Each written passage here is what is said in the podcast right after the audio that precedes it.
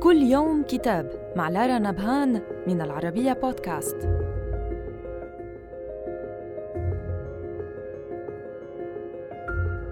نتناول اليوم كتاب فجر الفلسفة اليونانية قبل سقراط للعلامة الدكتور أحمد فؤاد الأهواني الذي قام بجهد كبير في الرجوع إلى النصوص الأصلية لفلاسفة اليونان الأوائل فأخضعها للبحث والتدقيق.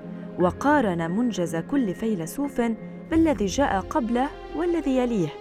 ثم ترجم منها ما يفيد فكرته ورسم صورة قوية واضحة للتراث الفكري الذي خلفه أساتذة سقراط وأرسطو دون أن يحظوا بالشهرة والذيوع اللذين حصل عليهما التلميذان النجيبان. ويروي الدكتور الأهواني أن فجر الفلسفة الإغريقية يعود إلى هوميروس الذي اختلف المحدثون في شخصيته أو وجد حقا أم كان شخصا خرافيا.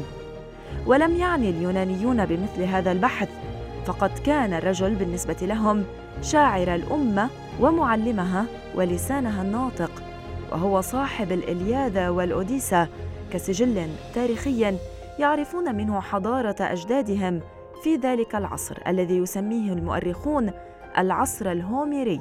والذي يقع بين القرن الثاني عشر والقرن العاشر قبل الميلاد. صدر الكتاب عن الهيئة المصرية للكتاب وإلى اللقاء مع كتاب جديد.